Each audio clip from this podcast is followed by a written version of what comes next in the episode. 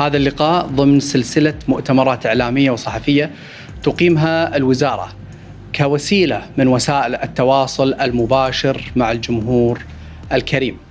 نوافيكم كالعادة بالحصيلة اليومية للترصد الوبائي سجل في المملكة هذا اليوم 20 آه، إصابة بفيروس كورونا. يصبح العدد الإجمالي للإصابات في مصر 4534 إصابة.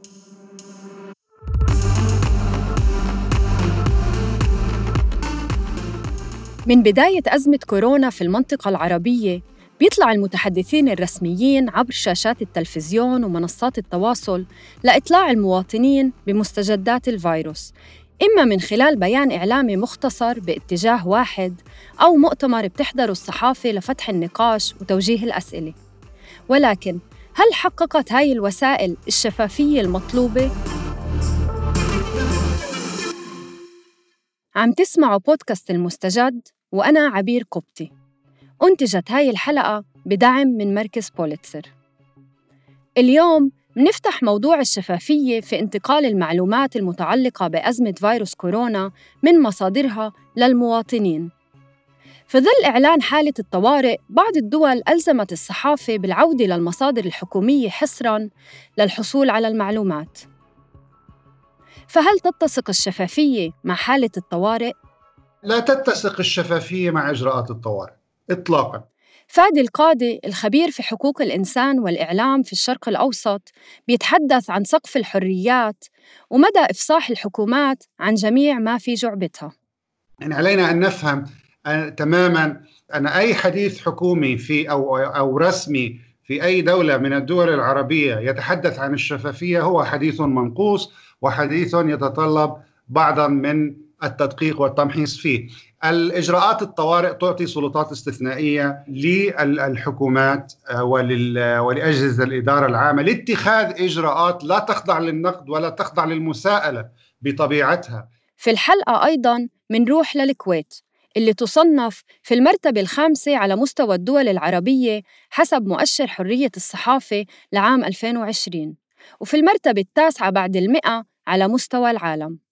هناك دائما في خطوط حمراء ما, تقدرين تتكلمين عنها سواء كان في القانون أو حتى آه، آه، خارج القانون بناء على مثلا أعراف أو أو أعراف سواء أعراف مجتمعية أو أعراف سياسية. كان في صحافة معارضة في الكويت وتوقفت هذه الصحافة ما عادت حاليا موجودة. شيخ البهاويد القانونية الكويتية ومدير التحرير موقع منشور المستقل توضعنا في صورة حرية الصحافة في الكويت من منظورها الخاص. الصحف الرئيسية مملوكة من آه، آه، شخصيات معينة إما تكون عوائل تجارية وإما أن تكون آه، عبارة عن شخصيات سياسية أو مملوكة من جهات معينة. بالتالي هذه الصحف الرئيسية كلها تمشي بطريقة أو بالخطوط اللي موضوعة من أصحاب هذه الصحف ومصالحها. تويتر يقدم مساحة جدا جدا كبيرة لسواء الصحفيين أو الأفراد أنهم يقدمون آه، آرائهم آه، وغالبا المعارضة للسلطة لأن ما لهم صوت آه، في الصحافة في الكويت. في حديثها تثني شيخة على الأداء الإعلامي الاحترافي للجهات الحكومية من لحظة تفشي الوباء ولكنها بتتطرق لأكثر المسائل غير واضحة التفاصيل في المعلومات الرسمية. تواجهنا مشكلة آه، متعلقة بالإصابات اللي موجودة بين الممرضين والأطباء. آه، وزارة الصحة في المؤتمر الصحفي وأيضا الحكومة لا لا آه، تبلغنا بعدد الإصابات بين هؤلاء الأشخاص. هذا شيء يعني المفروض يكون عالي الخطورة لأن انهيار آه هذا الخط هو انهيار للمنظومة الصحية اللي آه إحنا يعني آه، متمسكين فيها أو إحنا يعني لو سقطت كلنا يعني راح نسقط معاها. فأنا أعتقد أن عدم تبليغ الناس بعدد الإصابات بين الهيئة التمريضية والطاقم الطبي سبب عدم يعني إثارة الهلع. لكن هذه معلومات مفروض أن إحنا نعلم بها. لأن أساس وجود إصابات بين آه، الطواقم الطبية اللي هي أساسا تأخذ أعلى درجات الاحتياط وأعلى درجات السلامة والوقاية وتصاب أيضا بالمرض. إذا فهناك مشكلة. اللي نعرفه عن إصابات الأطباء وإصابات الممرضين كلها من السوشيال ميديا. آه، أنا متأكدة أنهم موجودين ضمن الأرقام اللي قاعدة تعلن. لكن آه، أنا أحتاج تفصيل بين في حول هذين الأشخاص بالتحديد. بعض وسائل الإعلام اللي وثقت الإصابات بين العاملين في القطاع الصحي ما قدرت بحسب رأي شيخة إنها تغير من نهج الحكومة في تفصيل هاي المعلومات. أحد ال ال الأشخاص اللي عملت معهم مقابلة كان دكتور حمد الأنصاري وهو دكتور طبيب في الصحة الوقائية من الأشخاص اللي آه على خط النار بشكل مباشر لأن آه في الصحة الوقائية هو ال ال ال المكان الأكثر آه عمل الحين وأهمية. آه الدكتور أصيب آه بالفيروس فيروس كورونا آه لأسباب هو لم يعلنها لكن كل من آه، عمل مع الدكتور أو آه، قريب منه آه، يتحدثون عن عدم وجود أساليب وقاية كافية للأطباء. فبالتالي يفترض في الصحافة اللي أعلنت وهي الصحافة الرئيسية الأكثر ضخامة في الكويت اللي أعلنت أو وضعت أخبار عن وجود حالات إصابات بين الأطباء أن هي تشكل ضغط على الحكومة من أجل أن هي تتخذ التدابير اللازمة لكن هذا ما حصل. ولا زال المؤتمر الصحفي لا يتكلم عن هذه المعلومات بالتحديد. يعني في بعض الدول هناك تساؤل هل هذه المعلومات والأرقام هي فعلا حقيقية وموثوقة أم هي غير حقيقية والدولة مثلا تخفي أرقام معينة. أنت كصحفية في الكويت هل عندك ثقة تامة بأنه هاي الأرقام والمعلومات هي معلومات موثوقة؟ كما يتضح أن منظمة الصحة العالمية مرتاحة للعمل والشفافية في الكويت. فهذا شيء مطمئن. على الجانب الآخر عندنا مثلا أنا قابلت بعض الأطباء وتكلمت مع أطباء يعني عدة أطباء يتكلمون عن وجود أعداد ضخمة وكبيرة آه، من المصابين ويعتقدون أن يعني أن ربما الأرقام اللي قاعد تعلن هذه غير حقيقية وأقل من العدد الحقيقي. أنت كصحفية هل عندك طريقة تتحقق؟ يعني هلأ وصلتك شهادات في التشكيك في أرقام الحكومة يعني هل إحنا قادرين على نتأكد من هذه الأرقام إذا كانت حقيقية ولا لا؟ هذا راح تواجهنا أيضا صعوبة جدا عالية في آه، حصر هذه الأرقام في التواصل مع الأشخاص اللي هم ما يبون يتواصلون مع جهات إعلامية أصلا.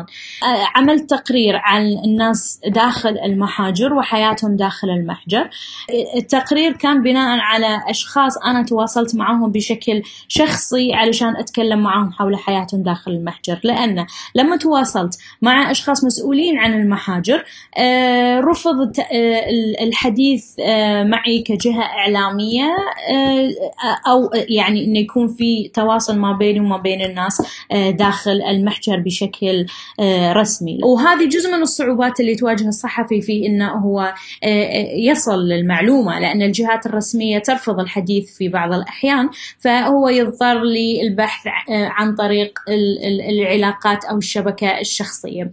هاي العقبات أخذت أشكال أكثر حدة في دول أخرى.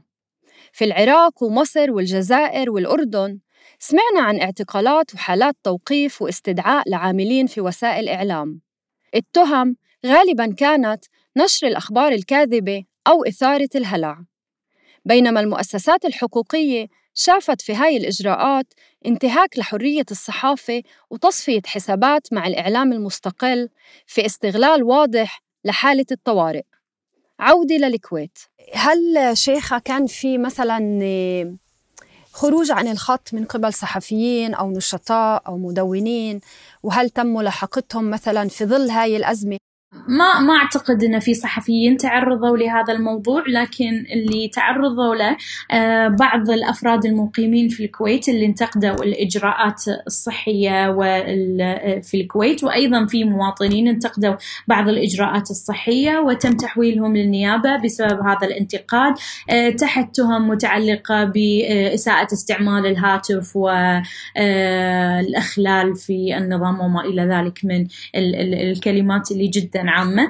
آه، وبعض المقيمين أيضا تم إبعادهم بسبب انتقاد الإجراءات. الحكومة عندنا تتأثر بالسوشيال ميديا بشكل جدا كبير. فمتى ما انتشر الموضوع والجميع آه، علم فيه أو تكلم عنه فبشكل مباشر بشكل سريع عفوا تتحرك الدولة أو الحكومة في لقطع دابر هالكلام. الأهم من الأشخاص اللي منتقدين الإجراءات هذه الصحية عفوا مو أقصد أهم منهم أقصد اللي هو يعني أخطر هم نائبين سابقين في مجلس الأمة. انتقدوا الأمور الاقتصادية اللي تقوم فيها الحكومة ومحاولة إيجاد المشاكل وتقديم حلول لها. فتم تحويلهم إلى النيابة حاليا.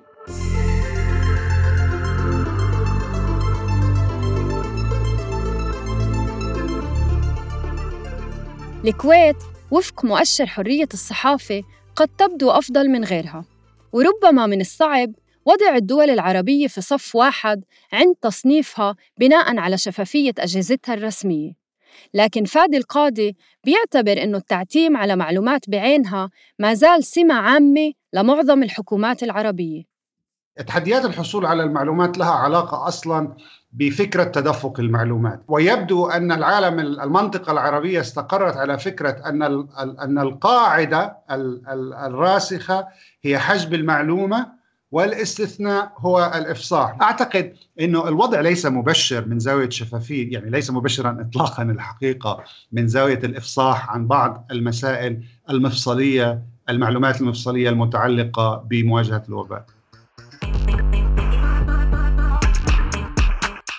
يجب تجنب المخالطة اللصيقة والاحتكاك المباشر معهم حفاظا عليهم. مناعتك قوتها من قوة جسمك. بتبنيها بشكل تدريجي عن طريق نظام غذائي ونوم كفاية وحركة. إمتى وكيف بلبس الكمامة؟ بلبس الكمامة لما أكون أنا عندي آه، أمراض تنفسية. وسائل الإعلام والصفحات التابعة للوزارات والأجهزة الحكومية غارقة بالصور والمقاطع التوعوية.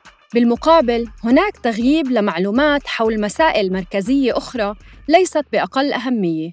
إحنا بنشوف اغسل يديك وتباعد ونرى قوانينا آه، يعني يعني آه، تعليمات طوارئ تسن بفرض مثلا عقوبات كذا كذا كذا كذا على خرق الحظر كذا كذا. لكن ما بيحكي لناش أو يقول القليل عن آه، طبيعة الإجراء الاقتصادي ونوايا الإجراء الاقتصادي لأنه نحن من حقنا أن نسائل إنه أنت تتخذ إجراءات اقتصادية تقول أنه من أنه هدفها هي آه، تعزيز آه، صمود المواطنين في مواجهة الوباء، لكن بعضنا إذا بدناش نحكي إنه يعني آه، إنه هي حقيقة مطلقة، لكن بعضنا يرى فيها تفتيتا لطبقات اجتماعية. ويرى فيها أيضا تعظيما لنفوذ طبقات اقتصادية معينة.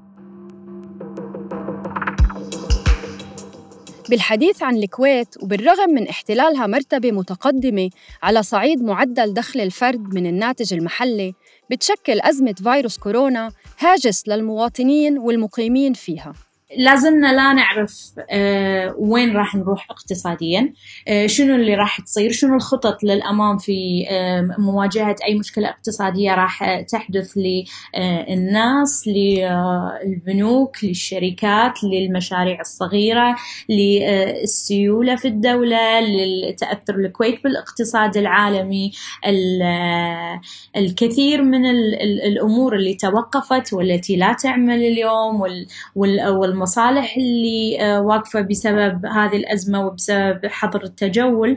آه، شنو الآثار اللي راح آه، تترتب عليها؟ شنو الحلول اللي تقدمها الحكومة لحل هذه المشكلات اللي راح تنتج عنها؟ ما عندنا أي فكرة. الحكومة لا تبلغنا بأي شيء في في هذا الشأن. والصحافة الموضوع الوحيد اللي قاعد تتكلم فيه أغلبها يعني اللي متعلقة بالمشاريع وبالشركات وليس بالأفراد العاديين.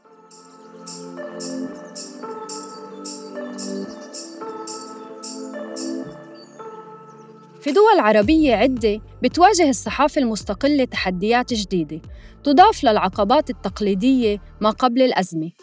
بعض الحكومات وبشكل مباشر حصرت استيفاء المعلومات من مصادرها الحكومية ووكالات الأنباء الرسمية. تم اتباع هذا الإجراء مع ظهور الوباء في الصين. وسائل الإعلام الرسمية كانت المصدر الأوحد للمعلومة. فرض الرجوع للوكالات الرسمية آه، وجهة نظر الحكومات في أنه آه، لمنع التشويش ولمنع التضليل ولمنع تفاقم الشائعات في وقت آه، في وقت يهدد فيه الوباء خطر السلامه العامة. هي فكرة عامة لا تبدو جميلة حتى على يعني بعلاتها لا تبدو جميلة إطلاقا. وكالات أنبائها الرسمية يا جماعة الخير هي جهاز وظيفي يعمل لديها ليس جهة معنية بالبحث عن الحقيقة والتدقيق والمقارنة والمقاربة والاستقصاء. هذا حكم بالإعدام بالضرورة على فكرة أن آه، هذه الحكومات كانت ترى في يوم من الأيام أن هناك إعلاما مستقلا ومهنيا وراسخا. ما نعرفه بشكل مستقر أن الإجراءات والمعلومات المتعلقة بالإجراءات صحيح متوفرة لدى الحكومة. لكن نقد هذه الإجراءات وإخضاع هذه الإجراءات للمساءلة والرقابة والانتقاد مش متوفر عند الحكومة. فبالتالي هو ممكن أن يتاح من خلال المنابر المستقلة من مصادر المعلومات المستقلة. فادي القاضي بشوف أنه مستويات الحرية الحالية ممكن ينتج عنها مزيد من الرقابة الذاتية اللي بيفرضها الصحفيين والصحفيات على أنفسهم. الصحفي ممكن يفكر بكل التداعيات المحتملة قبل نشر أي معلومة بتخالف الخط العام. من الجائز جدا آه، أن نتكيف مع فكرة الحجب حجب المعلومات آه، ومن الجائز جدا أن نتكيف مع فكرة المعلومة الرسمية باعتبارها المصدر الوحيد ومن الجائز جدا أن نشهد انكماشا في لأنه هاي كمان فكرة اقتصادية انكماشا في آه، عدد وطبيعة ونوع وسائل الإعلام المستقله العامله في المستقبل القريب. وتقديري إنه الخطر الأكبر هو ليس فقط على حرية الإعلام وعلى حق الحصول على المعلومات هو على حرية التعبير آه، اللي بتشمل الصحفيين وغير الصحفيين بتشمل المجتمع. لا شك إنه أزمة كورونا خلقت تحديات جديدة أمام الحكومات وكذلك أمام الصحفيين والصحفيات اللي بيعانوا أصلاً من قيود على حرية التعبير والوصول للمعلومات. إذا كانت بعض إجراءات الحكومات مبررة للحفاظ على الصحة العامة ومنع انهيار المنظومات الصحية فهذا لا يعني بالضرورة تبرير فرض المزيد من القيود على الصحافة والحد من الحريات.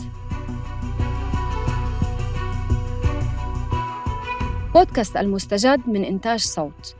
كنا معكم في التقديم والتحرير عبير قبطي في الإعداد والبحث روان نخلي في الكتابة محمود الخواجة وفي المونتاج تيسير قباني. تذكروا تشتركوا في قناة بودكاست المستجد على أي منصة بودكاست بتفضلوها لتوصلكم تنبيهات بالحلقات الجديدة. كونوا بخير وعافية.